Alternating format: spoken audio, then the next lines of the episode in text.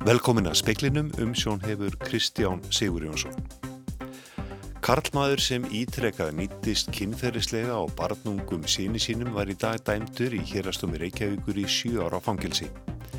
Afstæða Íslands til yfirvofandi hernaðaraðgera Tyrkja gegn kurdum í Sílandi er óbreytt, segir auðvitaðnikisráð þeirra. Fyllilega komið til greina að gaggrina aðgerir Tyrkja, líkt og Íslands stjórnvöld hafi gert áður. Endurskoðana fyrirtæki Grand Thornton hefur verið fengið til að fara yfir rekstur fasteirnafélagsins upphafs og fagfjárfestingasjóðsins Gamma Novus. Sendaðara bandarækjana hjá Europasambandinu hefur verið sendt til að mæta til yfirreyslu hjá fulltróða til bandarækjathings. Þegar hafa fundist leirbrot í fordleiðu uppgrefti fyrir aftan stjórnaráðshúsið sem hófst fyrir hálfum mánuði. Hér á stómi Reykjavíkur dæmdi Karlmann í dag til 7 ára fangilsisvistar. Hann braud ítrekað kynferðislega á síni sínum á 7 ára tímabili. Þar á meðal með ítrekuðum nöðgunum. Pilturinn var 5-11 ára meðan fær hans bröð gegn honum. Brotin framdi fadirinn á pappahelgum á áránum 1996 til 2003. Maðurinn var sakveldur í hérastómi Reykjavíkur í dag fyrir að hafi fjölda skipta nöðgað sinni sínum uns hann hafði sáðlátt, fyrir að káfa á kinnfærum drengsins og láta hann káfa á kinnfærum sínum og fyrir að sína drengnum klámfengið myndefni í tölvu, þar á meðal myndefni þar sem fullornið karlmenn beita börn kinnferðislegu ofbeldi. Maðurinn neytaði sög. Dómarinn rakti hins veri laungumáli hvers vegna málatilbúnar mannsins er ótrúverðugur, bæði með vísan til skjálfestra legamannsins og framburðar annars fólk sem kom fyrir dóminn og stutti frásaksónarins. Á móti kemur að frásaksónarins er einlæg og stuttgögnum og framburði vitna. Í dóminum segir að sonurinn sé greindur með ódæmigjara einhverfu og lístir vanlíðan sem hann hefur glýmt við, sérstaklega þegar hann var í samskiptum við föðsinn. Brotin framti maðurinn á heimili sínu. Pilturinn var hjá honum aðra hvora helgi. Í dóminum er greint frá gögnum frá þessum tíma sem lýsa vanlíðan og verkjum drengsins. Auk 7 ára fangilsisvistar var maðurinn dæmdur til að greiða síni sínum 3 miljónir króna í miskabætur. Brynjólfur Þór Guðmundsson saði frá. Guðlugur Þór Þórðarsson utanrikiðsráþara segir að afstafa Íslands til yfirvofandi hernaðar aðgjör að Tyrkja gegn kurdum í Sílandi séu óbreytt. Þær séu áhyggjöfni og það komi fyllilega til greina að gaggrína aðgjörir Tyrkja líkt og stjórnvöld hafi gert áður. menn muna að á sín tíma gaggrindu Íslands stjórnum hefðar að gera tekið gegn kurdum í Sýrlandi. Það var meðal hans gert byggt við sendir að Tyrklandskonat í Íslandi. Erfa á dögum eftir aðgerðnar hófust í janúari fyrra.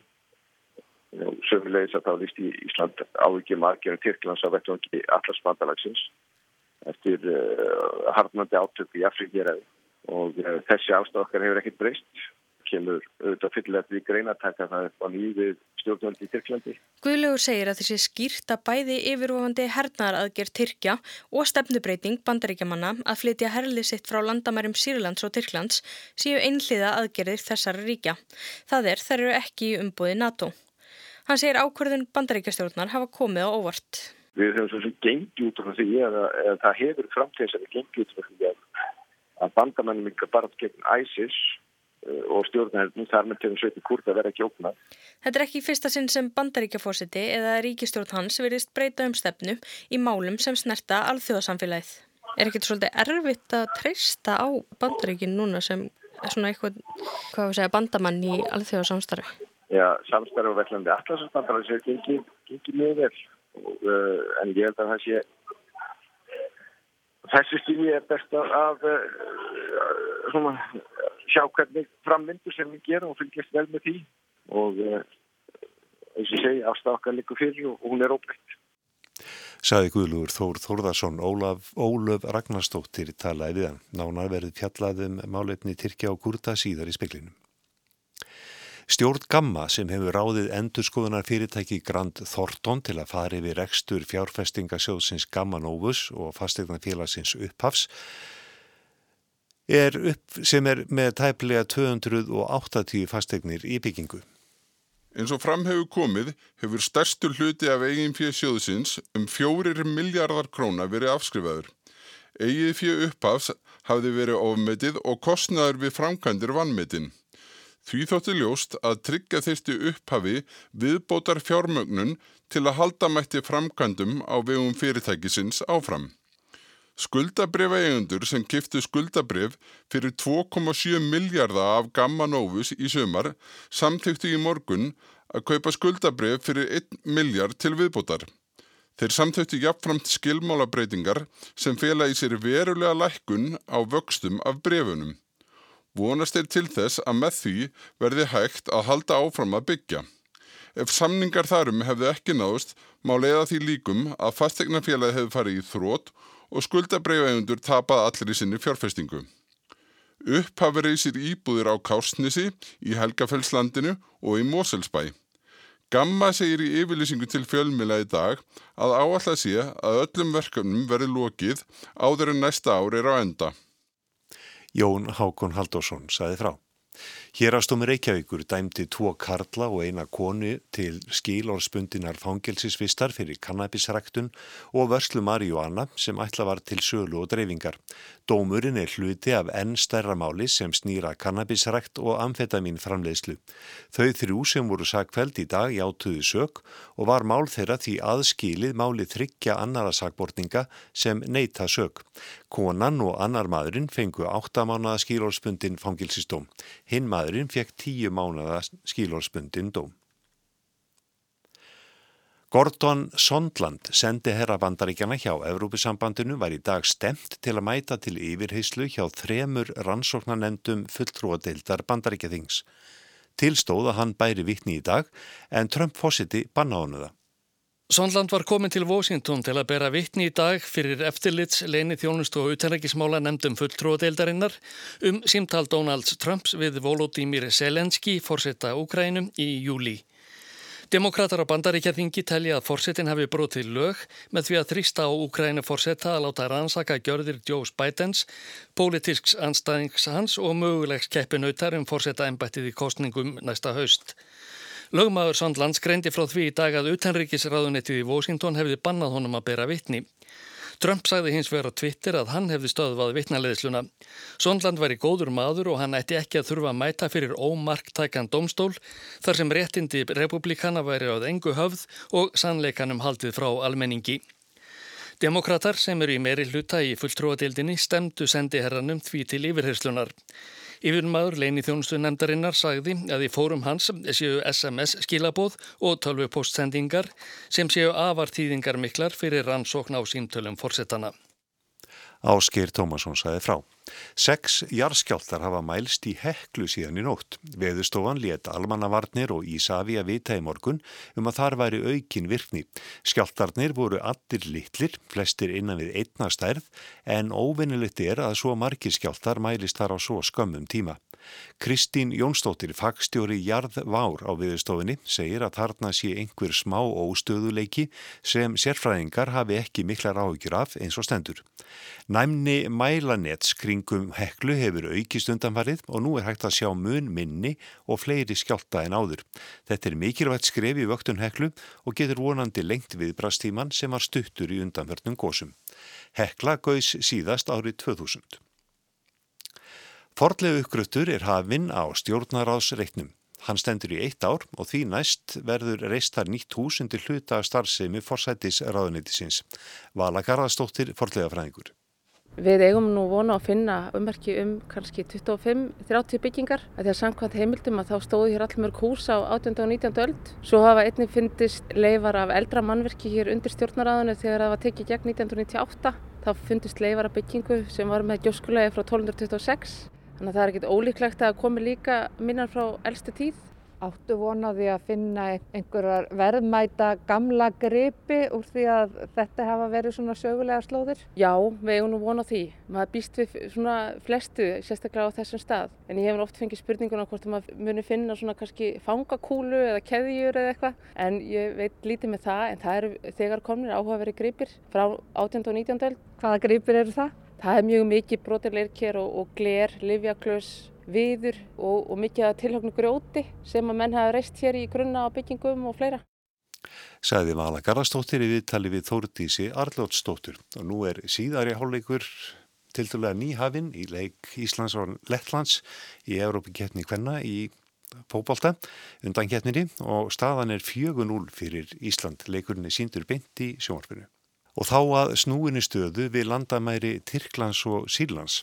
Tyrkir hóta ráðast yfir landamærin og inn í Síland og mynda þar svo kallað öryggisvæði. Sílandsmegin er yfiráðasvæði Kurda sem berjast gegn Assad Sílandsforsetta á samt öðrum stjórnaranstæðingum og hafa verið leiðandi í stríðinu gegn hriðverkarsamtökunum sem kallað sig Íslamst ríki eða ISIS og hafa þar verið bandamenn bandaríkjumanna og annara vestrætna þjóða. Á sama tíma þá tortryggja Tyrkir bandalagstjóð NATO, Kurda, vilja sem minnst hafa saman við þá að sælda og líta á hersveitir þeirra sem hriðverkamenn. Á þessu svæði eru borgir og bæir sem kurdar búa í, einnig flóttamannabúðir þar sem fólk sem flúið hefur óöldina í Sílandi heldur til og fangabúðir þar sem herrteknir ísísliðar og fjölskyldur þeirra er í haldi. Arnar Þórisson, darskrákjaraðmaður í fréttaskýringatættinum Kveik hjá Ríkisútarfinu, þekkir vel til þessa svæðis. Þetta er ótrúlega flókin staða sko og alls ekki einfalt mála að skilja alveg hver leikur með hverjum. En alltaf það sem er samt alveg kristaltært er að Tyrkir hatast við kurda og það er sögulegt aftur í aldir þess vegna. Og kurdar hafa ekki náð fótfestu jáfnvel í eigin landi eða þá í Írak eða þá í Tyrklandi. Það eru stóra, ég kurdar telja, það talja að kurdar séum 20-30 miljónir á þessu landsvæði og þeir eiga allstaðar einhvern veginn undir höggasækja og hafa fengið stimpilinn af þeim löndum sem að óttast þeirra menningu að, að vera hriðverka menn eða, eða eitthvað í þá áttina. Er það ástæðilegs stimpil? Sko, hvernig flokku við hriðverka mann? Þeir hafa alltaf bara verið að verja sig. Þeir hafa verið að verjast þjóðarmorðum í rauninni nokkur undra ára aftur í aldir. Þannig að þegar að þú ert í stríði að verja þig, getur það alltaf farið fram á einn hátt eða er það alltaf einhliða að þú setja að verja þig eða ekki? Hvað fælst í því að verjast og verja sína samborgara? Það getur öruglega að hafa einhver tíman krossast þessar, þessar línur, veist ekki um það en, en ég held að eftir mín, sko, mín ferð þarna í Rótjafa eða því sjálfstjórnarsvæði sem þeir kalla Rótjafa í, í norður Sílandi að á þeim ferðum var ansi augljóst að enginn sem ég talaði við hafði áhuga á því að ráðast gegn Tyrkjum. Þeir voru þeir einu sem að vildi stökku á vagnin með bandarækjamönnum og berjast gegn uh, ISIS. En nú hafa komið dáliti misvísandi upplýsingar frá bandaríkjónu, hvernig þeir muni taka því að Tyrkir farið þarna inn? Já, eins og Trump hefur verið að tala um þetta í heilt ár að hann væri, væri á leiðin út en hefur alltaf verið ráðlagt að, að það væri óráðlegt af sínum ráðgjöfum, helstur ráðgjöfum Pentagon sem hefur stutt hernað og saðmegilegan hernað bandarækjana og, og kurta í Rótsjáfa. Hann virðist stundum hlusta og stundum ekki og það virðist vera þannig að hann hefur talað við Erdogan í síntali og, og tekið ákvörðun einhliða og svo hafa hann kannski hlustað á einhvern og þá koma yfirlýsingar um það að, að Tyrkir hljóti verra ef þeir, þeir haldið sér ekki móttinni og maður veitir einhvern ekkit hvað, þetta virðist vera allavega eins og þetta séu ákvarðanir sem hann tekur svolítið út í bláin. Nú hefur líka komið fram að e, á þessu svæði kúrtana að þar eru þeir með, hvað að kalla, flóttamannabúðir það eru fjölskyldur Ísis liða já, sem já. eru þarna í búðum. Já, eru í raun og verið haldi kurta hvað gerist með þessa búðir ef að Tyrkir ráðast inn? Ég heimsótti svona búðir. Það eru raunni kurtar sem eru að halda uh, þessar búðir og halda lífi í þúsundum fjölskyldna. Löndin sem þeir koma frá vilja þá ekki aftur. Það hefur verið erfitt að fá lönd til þess að, að taka þau aftur. Þannig að þetta fólk er algjörlega á ábyrð kurdana, á ábyrð STF sem er svona samíleg reglíf yfir, yfir þessi samtök. Anstæðinga Assad. Anstæðinga Assad sagt, og líka Tyrkja. Þetta, þetta, þarna komum við að flókna elementinu í þessu öllu. Mm. Þetta er hver er anstæðingu hvers. Það er ekkit augljóst einhvern veginn að fatta það. En allavega, þeir eru núna bara aktíft er maður að taka eftir að þeir eru að færa herdildir að norðurlínunni, landamæranum við Tyrkland, bara til þess að búast undir það að verja sig. Fólk er byrjað að flýja úr bæjum í sveitunum þarna upp í landamærin og það er talað um að, að þessa flótamannabúðir og fangelsi verði illa mönnuð jafnvel verið að tala um að það séu, það eru franskar herdildir í landinu, að þær takjað sér gæslu á þessu, en í rauninni er þeir að til þess að nýta alla sína resursa, eða sletti, þá eru þeir að yfirgefa þessa suður línu þar sem að æsisliðar voru aðkvaða mestir. Þannig að það getur hinnlega því það að þeir slippi bara úr haldi. Það geti öðurlega gerst mm. og miða við það sem ég heyrði, ég var nú ekki þarna lengi en hvar sem ég kom, hvort sem voru hermenni eða fólk, það virtust allir vera með þá vittneski og vera standa í þeirri trú sem ég hallast nú á að sé svon að Tyrkjum þætti það ekkit leiðilegt þó að þeir slipur haldi. Vegna þess að það hefur gæst áður þegar að meiris hefur verið fangar og beðið um sko að fá að komast yfir á yfir á þess að þið Tyrkja. Og Ísisliðar sem hafa farið að berjast þarna hafa sögulega komið gegnum Tyrkland í gegnum einhverja tjannila. Þannig að samsæðiskenningi eða ekki, ég held að sé bara frekar augljóst að Tyrkir hafi verið að greiða leið þeirra æsisliða sem að voru þarna og eru þarna margir fangar núna og þess vegna er það svolítið kaltæðnislegt að heyra það og tala um að þeir ætli að taka á þessu vanda núna með þá hverju, með þá að losa það úr haldi og halda áfram sínum vofnarekstri. Það er auðvitað aður að þér líst ekki á blikurna. Alls ekki. Mér finnst þetta að vera all svakalegt sko, miða við það sem að atbyrði núna senustu klukkustunda í rauninni, að þá lítur þetta ekki vel út. Frelsisveitir Ótsjafa eru, eru með öfluga sveitir en þeir hafa ekki tækja við Tyrkina. Tyrkinir hafa alla skrytrekana og sprengjurnar og, og eldflugarnar og þetta stefnir í ljótan atbyrð ef að alþjóða samfélagi tekur sig ekki á og gerir allt sem það getur til að stoppa. Þetta var Arnar Þórisson. Ég var aldrei pólitísk fyrir en eftir ég komst á lífeyrisaldur. Þetta segir auður Dóra Haraldsdóttir. Hún var tjónustufulltrúi í Íslandsbanka í aldarfjörðung og hætti þar 65 ára. Ég var 70 í sömmar og ég er bara mjög sátt við lífi og tilveruna eins og, eins og ég fæ að lifa lífin í dag. Ég er svo heppin að vera með góða helsu og er mjög aktív kona þannig ég er í gönguhóp og ég er í sundleikveiminni og er bara virkilega að njóta lífsins. Ég hætti að vinna því ég var 65 ári, ég var búin að vera að vinna hjá banka í, í mjög mörg áru og skrifstofu störfi líka. Ég hafði val, ég mátti vinna til 67 en ég ákvaði að hætta að vinna 65 ára og ég var á halvuleginum hjá bankan til 67 ára og tók út lífyrirsjóðin minn á móti. Ég fannst þetta komið gott hjá mér þar sem að ég er vestmanningur og, og ég byrjaði mjög unga að vinna Í fiski eða? Já, ég byrjaði að vinna í fiski, byrjaði að vinna í humri þegar ég var 12 ára og við vinkonuna, þetta bara var algengt sko. Að, þegar maður byrjar svona ungur að vinna, það maður alveg búin að fá nóg þegar maður er konið þannig aldrei, allavega ég. E, ég á barnabötn og það mér langaði til þess að fá að þess að vera meira með þeim og hefur virkilega notið þess. Þannig að ég, sem sagt, já, ég er ekki ósátt við mitt hlutskipti En ég um, er ósátt við hlutskiptir margra sem er orðinni 67 ára eldri vegna þess að ríkið eða tryggingastofnin og ríkistjórnin er ekki að koma mós við þetta fólk. Sjálf er ég ekki með góða lífirir. Man hefði kannski hugsað að þú værið það þegar þú ertu búin að vinna ja, í banka svona lengi. Svona... Jú, ég var, sko, við borguðum í Vaffer og Vaffer er ekki að mínu mati góður lífiri sjóður vegna þess líka hann er svo stór. Ég var sjálf vola hissa hvað ég hafði lítið út úr þessu. Ég náttúrulega byrjaði samt sem áður í kringu 60 ára aldur að spá að spukla á svolítið í lífyrsjónu. Hvað ég myndi hafa á milli handana þegar ég hætti að vinna. Því miður að þá er þetta ekki nóga gott. Auður segir ráðstöfunartekjur sínar hafa dreyist saman um um það byl 100.000 krónur eftir að hún hætti að vinna. Hún greitti í þrjá lífeyrissjóði og fær 134.000 krónur á mánuð eftir skatt þar af 93.000 krónur úr VAF-R. Á móti koma greiðslur frá tryggingastofnun samtals gerir þetta 270.000 krónur. Og ég hérna er svo heppin að ég heppin, bara kannski raunsæ, ég er ekki með skuldur á bakinu.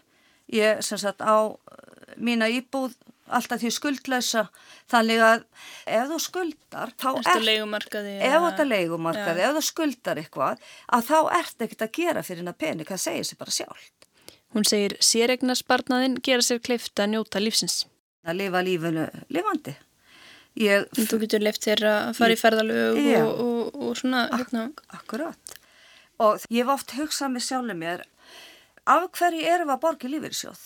Til hvers? Vegna þess að þegar að upp í staði að þá er þetta svo lítið sem að vennilegu jól eins og ég er að hafa á milli handana. Margur sem að höfður inn í hjá Ríkja bæ er að hafa mun, mun betra út úr lífeyrissjóðskerfinu heldur nokkuð tíman þeir sem að eins og ég hjá var færr. Ef að hérna við hefðum og til dæs bara ég fengi að borga hefði það verið komið á þessum tíma þegar maður byrjaði að borga í lífeyrissjóð 1969 eh, og hefði ég fengið að borga þá bara í sérignarsjóðum sem ég er búin að kera frá því hann var stopnaður og þá var staða mín alltaf ennur í dag.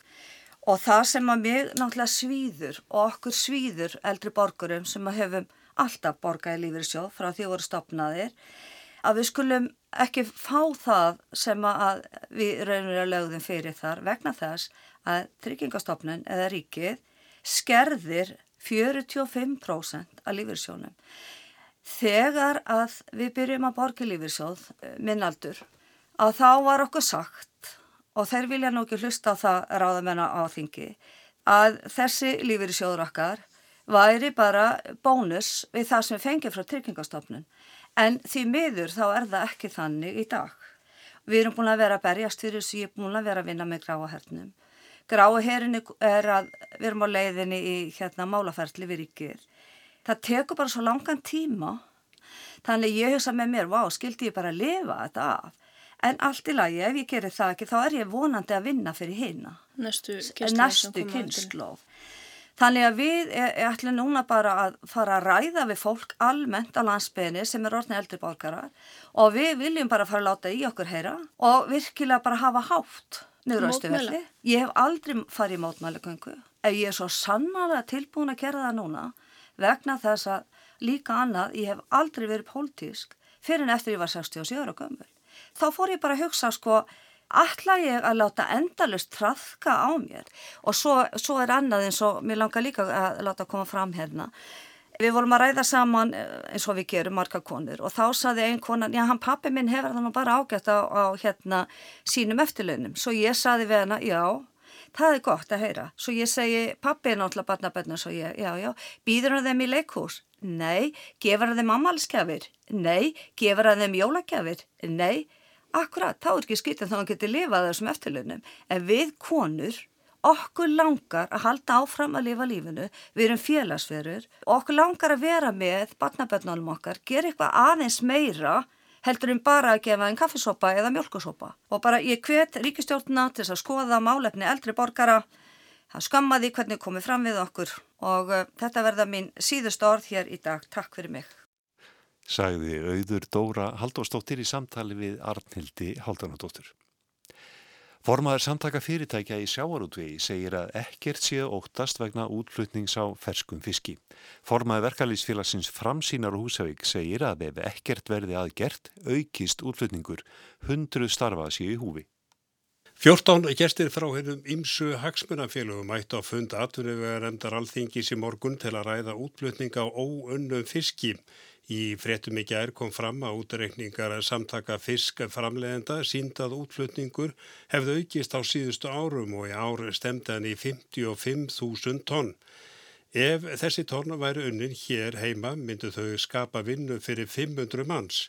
Á fundinu kom fram að með því að flytja út óunin fisk væri verið að færa verðmæta sköpununa úr landi.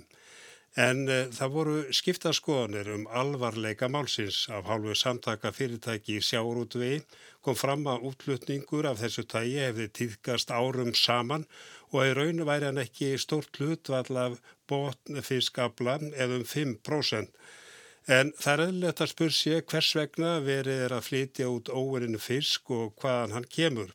Jens Garðar Helgason, formadur SFS, segir að fiskurinn virðist ekki koma frá stæstu fyrirtækjarum. Þau seti abla sem þau geta ekki unnið á fiskmarkað þar sem önnur fiskvinnslu fyrirtæki geta bóðið í hann. Jens Garðar segir að fyrir utan skarkóla og karva sé útflutningur frá 2-5%. Þannig að ég held nú að, að sko, það sé ekkit óttast en það sjáum við það líka að, að sko, fjárfestingar á, út um allt land fyrir 20 miljardar í bæði nýjum skipum og, og nýri vinslu uh, staðfesta það og, og, og sanna að, að, að íslensku sjáurútugur er, er, er að tre, treysta byggðafestu á öllum atvinnusvæðum um allt land og er að fjárfesta til þess að geta unnið abla hér áfram á Íslandi. Þannig að, þannig að ég uh, held að það sé nú ekkert að óttast í þessum efnum. Ekkert að óttast, segir Jens Garðar sem uh, mótmælur hugmyndum um að útflutningurinn verði skatlaður eins og gert var um tíma. Grundvallar atriði sé að gera íslenskan sjáurútveg samkeppnishæfan. En aðalsteinn Baldursson formaði framsýnar á Húsavík er ekki samálam því að þetta sé ekki mikill útflutningur og að ekkert sé að óttast. Nei, nei, nei, nei, nei. þetta er alránt vegna þess að útflutningur er að stóra aukast og stefnir í hvað í 50.000 tonn eða 55.000 tonn og baku þetta eru 500 störf þannig að ef ekkert verður aðgert þá sjáum við það að þessi tala mun aukast. Þetta er gríðalegt magn, 500 störf. Það er ekki nýtt að fiskur sé seldur út á önnin.